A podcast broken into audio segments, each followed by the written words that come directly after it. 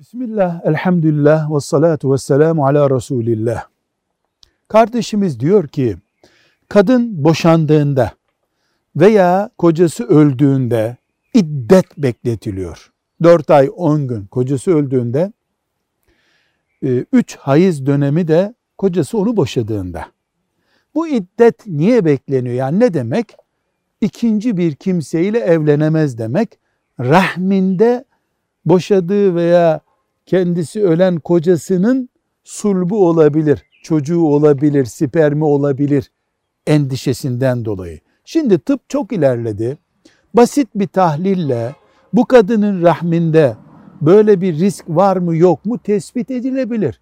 Dolayısıyla 4 ay 10 gün beklemese de tahlil yapıp doktordan rapor alsa yüzde yüz garantili bu.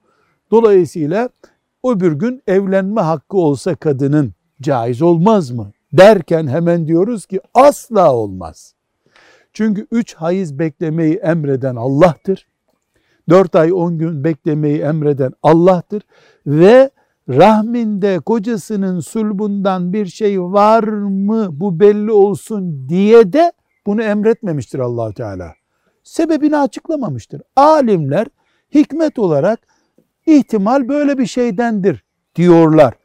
Gerekçesi budur demediği için Allah ve peygamberi biz dünyanın en güçlü tıp raporlarını getirsek de 4 ay 10 gün 4 ay 9 gün olamaz. Müslümanız. Allah'ın emirlerine, yasaklarına, ayetlerine gerekçe getiremeyiz. Velhamdülillahi Rabbil Alemin.